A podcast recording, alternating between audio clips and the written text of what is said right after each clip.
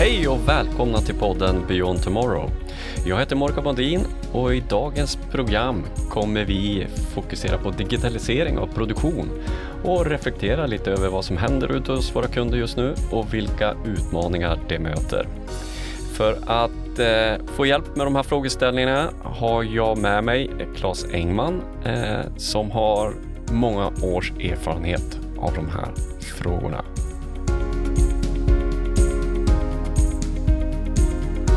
Välkommen Claes! Vem är du och vad gör du till vardags? Ja, tack för att jag får vara här. Eh, jo, jag jobbar som seniorkonsult här och hjälper våra kunder med att eh, både se vad de är idag och hjälper dem att eh, försöka se in lite i framtiden, vart de vill och vägleda dem ditåt. Ah, trevligt, trevligt. Du, eh, ja, det här är ett ganska brett ämne. Eh, så frågan är ju hur vi ska ta oss an det, men jag tänkte vi kastar oss ut. Så jag tänkte nästan ställa frågan till dig eh, lite grann. Vilka är de vanligaste utmaningarna och frågeställningarna som du och våra kunder möter idag i, i ditt dagliga, dagliga jobb så att säga? Oj, det är många olika utmaningar. För vi har olika industrisegment, har olika förutsättningar. Eh, Eh, Eh, vi har ju också hur pass global du är, hur du har med underleverantörer, hur du påverkas av globala leveranskedjor. Vi har olika mognadsgrad. Vissa är i stadiet att ta de initiala stegen till att någon form av uppföljning med OE och KPI i produktion. Vissa är och är inne på machine learning och AI och kommer ganska långt. Så det är en stor bredd eh, inom de här områdena. Och givetvis så är det ju energiomställningar och sånt, råvarupriser som kan påverka kunderna. Så det är en, en, en stor bredd. Ja, just det. Är, Kan du se någon skillnad? Jag tänkte på hur långt eh, olika kunder har kommit i olika branscher. Jag tänker typ, om vi är väldigt breda, processindustrin eh, jämfört med diskret tillverkning till exempel. Ser du någon skillnad och nyansering där? Ja, det finns ju lite olika saker. Tittar man generellt till processindustrin så har ju de kommit långt med eh, insamling av processdata och processinformation. Mm. Medan tittar man mer på diskret tillverkning, ja, eftersom den av naturen är annorlunda så är ju de oftast mer fokuserade på eh, cykeltider, operationer, ställtider, eh, material i arbete, buffertar och sådana saker. Så det är olika branscher, lite olika mognadsgrad och utmaningar. Ja, just det. Och om man tittar på det här med hur långt de har kommit med att nyttja sin data. Eh, jag, jag, kan hålla med dig, processindustrin de har ju by nature, på att säga, av naturen eh, tillgång till väldigt många signaler och mycket signaldata som de har över tid lyckats samla in. Mm ja, och det är ju klart att i diskret tillverkning så är det ju med mer maskinbearbetning, inte lika mycket signaldata och, kanske produktionsdata att samla in på ett enkelt sätt. Men, men eh, vad, om man tittar på mäta, vi bruk, du, du brukar ju prata om att mäta är att veta. Mm. Eh, hur långt har diskret tillverkning kommit där, tycker du? Eh, de har ju kommit relativt långt på kanske rena operationer. Man är van att säga ah, kanske jag startar ordern Eh, jag avslutar ordern. Men eh, kombinera det tillsammans med kanske kvalitetsparametrar sker ofta i ett separat system om, om ett system. Ibland är det papper, ibland är det Excel-ark. Så de har en ganska heterogen miljö. Det är informationsöar. Så där är mycket utmaningarna nu när de vill ta steget när man börjar prata mycket om moderna teknologier. Det är ju att datat ligger olika system. Det kanske benämns vid olika saker. det kan vara olika enheter. Så det, det är väldigt splittrat. Just det, och, och det är klart att det, det, det, det blir ju så. Eh, det är ju en längre väg att vandra kanske, eh, framförallt inom diskret tillverkning. Att kunna få in all den information som behövs för att kontextualisera, sätta det i ett sammanhang, är väl kanske lite längre resa om man tittar i diskret tillverkning jämfört med, med processindustrin som har kanske längre produ produktionsserie eller färre produkter eh, i sin tillverkningsprocess. Det, det är rimligt. Men, men jag, oftast man, eh, ibland när man träffar nya kunder så, så de hör ju också de här buzzworden om AI och eh, Internet of Things. Men, och kan ju ibland ställa frågan, ja men vi vill jobba med AI. Eh, hur, hur, hur, gör vi det? det? Vi vill använda AI, det, vi har hört att det är bra. Eh, om du tittar på våra kunder, är det jobb, vilka jobbar med AI och, och vad använder de AI till? Eh, ja, framförallt de som har de bra förutsättningarna. Det är ju de som har haft en mångårig datainsamling. För det kräver ju faktiskt ganska stora dataserier. Är, är det mer processindustrin? Det är lite processindustrin som har haft någon form av historianlösning, det vill säga samla och långtidslagra eh, tidsstämplat data, tidsseriedata. De kan ändå ha utmaningen att de har fristående kvalitetssystem. Så att koppla samman det här, det som var processdatat med utfallet är oftast den stora utmaningen. Så man sitter på en guldgruva när det gäller processdata. Men du måste korrelera det mot någonting av utfall. Är det här bra eller dåligt? För det kan Just. inte vare sig machine learning eller AI göra utifrån att bara se processdata utan att veta var det här bra eller dåligt.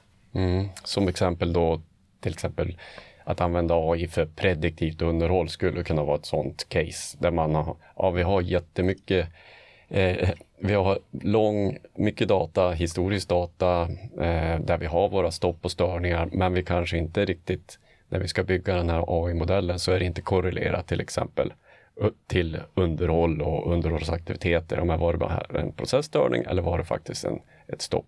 Eh, mm. Och vilken typ av störning var det? Exakt. den typen av frågor? Och då är det ju oftast det att du har ditt system som samlar in processdata. Du har ditt kvalitetssystem där du får utfallet på ordern. Men sen har du oftast ett separat underhållssystem, det vill säga där var du har ditt akuta underhåll avregistrerat. Så det är ju att kombinera informationen från flera olika informationskällor som oftast blir utmaningen och våga lita på den datan att den är rätt. Just det. och framförallt att den stämmer i tidsmässigt också. Just det. Och nu pratar vi lite underhållsrelaterat då, men, men jag antar att samma frågeställning gäller om du vill jobba mer med kvalitetsrelaterade modeller. Va? Att du måste kunna korrelera din processdata, produktionsdata eh, mot no någon slags kvalitetsparameter, antar jag. Ja, ja, och, och så är det. Just det, just det. Och sen kan det ju finnas andra utmaningar också. Att du har någonting upptäcks i ett senare skede i din process än det som egentligen var root cause, det som orsakade egentligen avvikelsen. Så det där kan ju också vara väldigt svårt och vi har faktiskt ett kundcase nu där vi hjälper en kund. Hur kan man tidigare i kedjan se att eh, man har gått bössa som man kan egentligen eh, kassera tidigare innan så att man färdigställer hela produkten. Ja, just det. Då upptäcker det egentligen i slutinspektionen. Ja, men det låter som ett mm. intressant case, ja. definitivt. Eh, om nu pratar vi lite processindustri. Jag antar att det caset som du pratar om, var det processindustri också? Eller är det... det är en liten mix. De, okay. de börjar i process för att gå över till diskret och det är senare delen då man upptäcker avvikelserna. Ja. Och de skulle vilja upptäcka det tidigare då. Just det.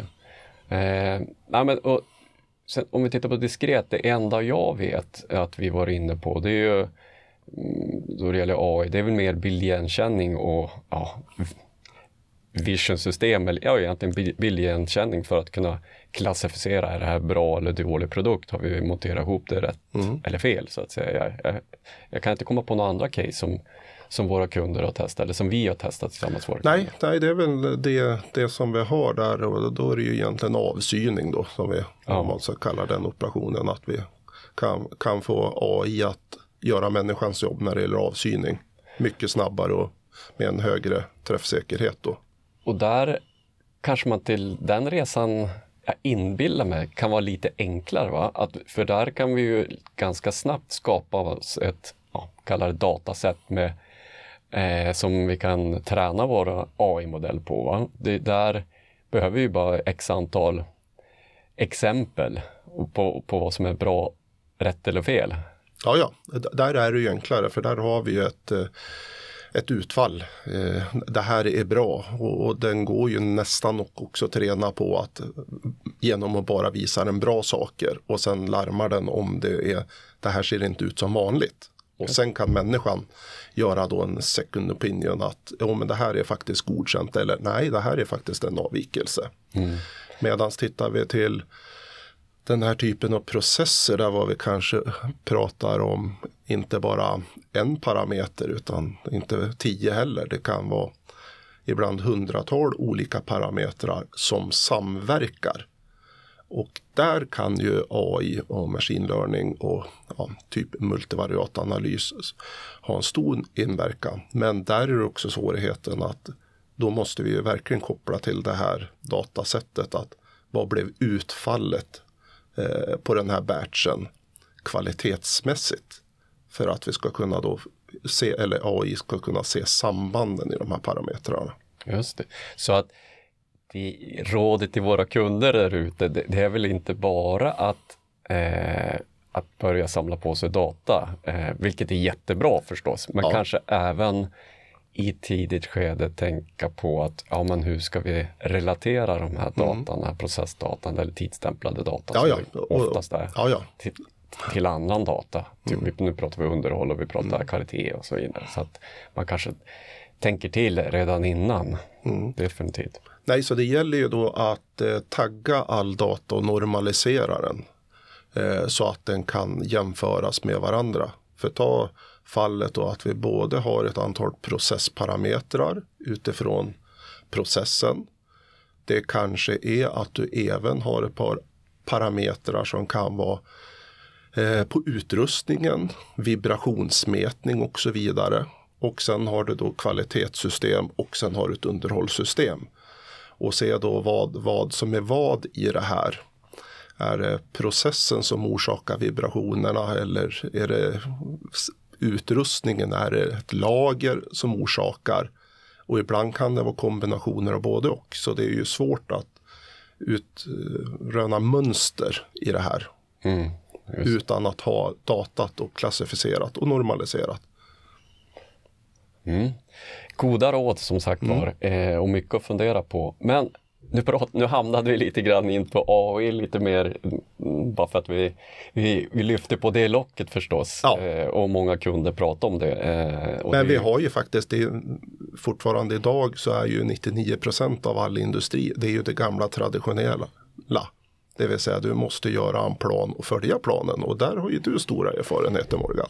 Ja, det är klart. Eh, du tänker på produktionsplanering mm. och detaljplanering och synkronisering egentligen av alla produktionsaktiviteter. Eh, nej absolut, eh, där är ju vi är ju ganska duktiga där på Plant Vision att jobba med våra kunder kring just produktionsplanering och supply chain-frågor kan man säga, men framförallt eh, internt i in på produktionssajten, det vill säga synkronisera och planera att vi säkerställer att vi har eh, tar hänsyn till operatörer, människor, material och eh, maskiner egentligen. Att vi synkroniserar och harmoniserar så att vi får ett bra flöde. Definitivt, där, där är vi duktiga. Det, mm. Och där måste också en utmaning vara utfallet. Att se planen kontra vad blev det i verkligheten? Hur jobbar man med sådana frågor? Ja, men det, du har helt rätt där. Det är ju, jag menar oftast när vi träffar på kunder så, så mycket av den här kan man säga, masterdatan för att planera produktionen och produktionsflödet finns ju i affärssystemen på rena eller andra sätt. Ställtider, operationstider och så vidare.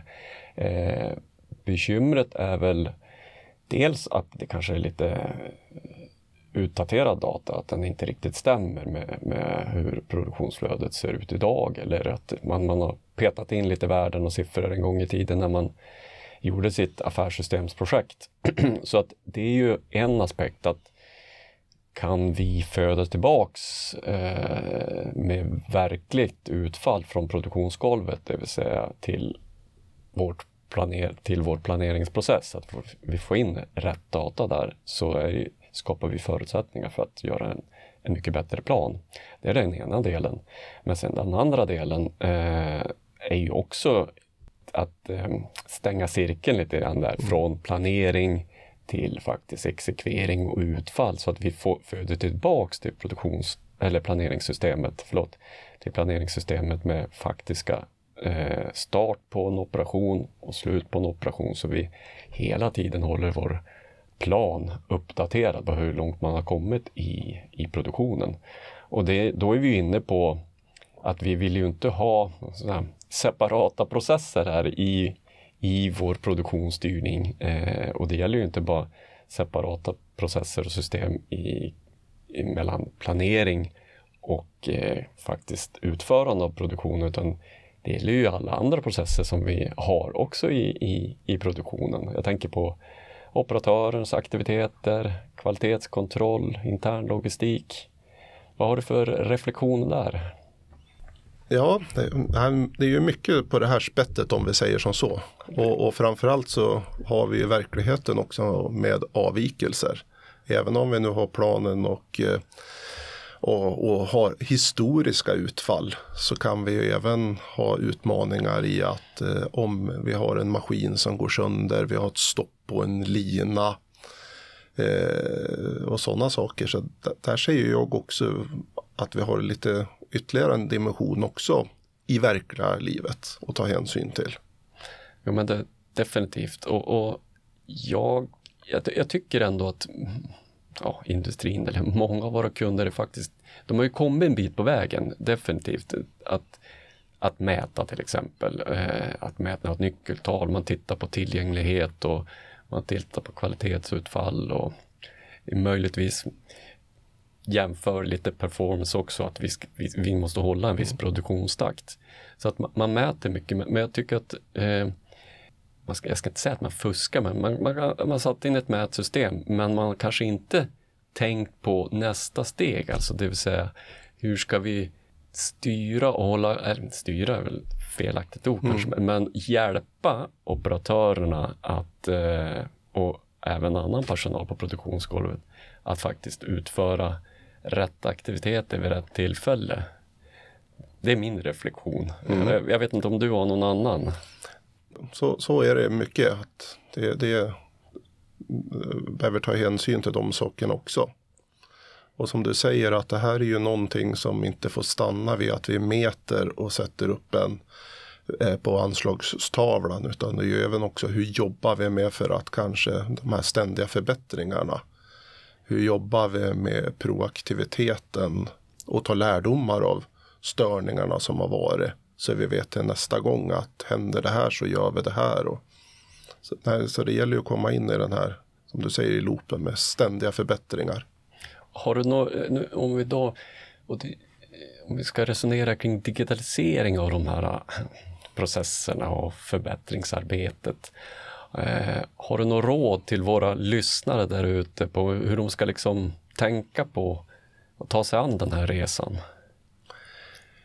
Ja, det är väl eh, att göra en långsiktig plan som man inte stannar vid första steget och känner sig lite nöjd utan hela tiden har någonting att sträva efter. Och framförallt så man har den grova planen eh, relativt klar så man inte går allt för mycket zigzag. Det kommer alltid vara lite zigzag. Eh, man, man eh, testar sig fram. Men så det ändå finns en, en grov riktning eh, vad vi vill och vad nästa steg ska vara. För det skapar också kreativitet hos eh, både operatörer och sånt om de vet att ja men det här är inte bara att jag blir monitorerad utan det här kan påverka min och förbättra min arbetssituation. Så det är väl där oftast de här mjuka faktorerna man kanske glömmer i första steget. Man ser det som ett projekt, ett tekniskt projekt och vissa nyckeltal istället för att ge moroten till operatörerna. Det här är en, en resa och det här är första hållplatsen. Just det. Så det vill säga att inte tänka för kortsiktigt eh, utan att man vet med sig att ja, men vi, vi ska ha en vision. Sen, sen behöver vi inte göra allting i, på en gång utan men däremot att, att vi bygger vår digitaliseringsresa i olika steg. Jajamän, så det, det gäller att ha att eh, re, resmålet är känt men vi vet att eh, det, det är olika färdmedel på vägen dit. Just det. Ja men du Claes, eh, jag tror att dagens avsnitt börjar närma sig sitt slut och det här ämnet är ju fantastiskt brett. Och så vi, vi kommer ju bara skrapa lite på ytan idag, eller vi har bara skrapat lite på ytan. Eh, vi har inte pratat någonting om cybersäkerhet, vilket är ett jättehett ämne i dessa dagar. Så det, det tänker vi att vi får kanske ta, till och med ta en separat podd om. Vi, vi har inte pratat så mycket, ja, vi var inne på simulering lite grann, men vi har inte pratat digitala tvillingar, liksom nästa steg, hur vi kan lyfta vår produktionsflöde digitalt och kunna göra simuleringar offline. Det har vi inte heller täckt idag, men det får väl också komma i ett kommande avsnitt, tänker jag. Eh, för att runda av dagens podd, Claes, vad skulle du vilja skicka med för råd till våra lyssnare? Eh, tänk stort. Eh, var visionär. Tänk hur skulle framtiden vilja te sig? Men börja smått och ta små steg och eh, eh kommunicera eh, stegen. Men ändå den stora planen som målbild. Med det sagt så tackar jag så hemskt mycket Claes. Tack för att du kom hit och delade med dig av dina funderingar och erfarenheter och tankar som både du och våra kunder har. Och så tack till alla er lyssnare. Så om ni vill höra mer om eh, digitalisering av produktion och produktionsstyrning så läs mer om oss eller kom i kontakt med experter inom området eh, på webben eh, www.plantvision.se. Jag hoppas att ni har fått lite inspiration för era framtida digitaliseringsresor idag och som sagt var, stort tack för att ni lyssnade.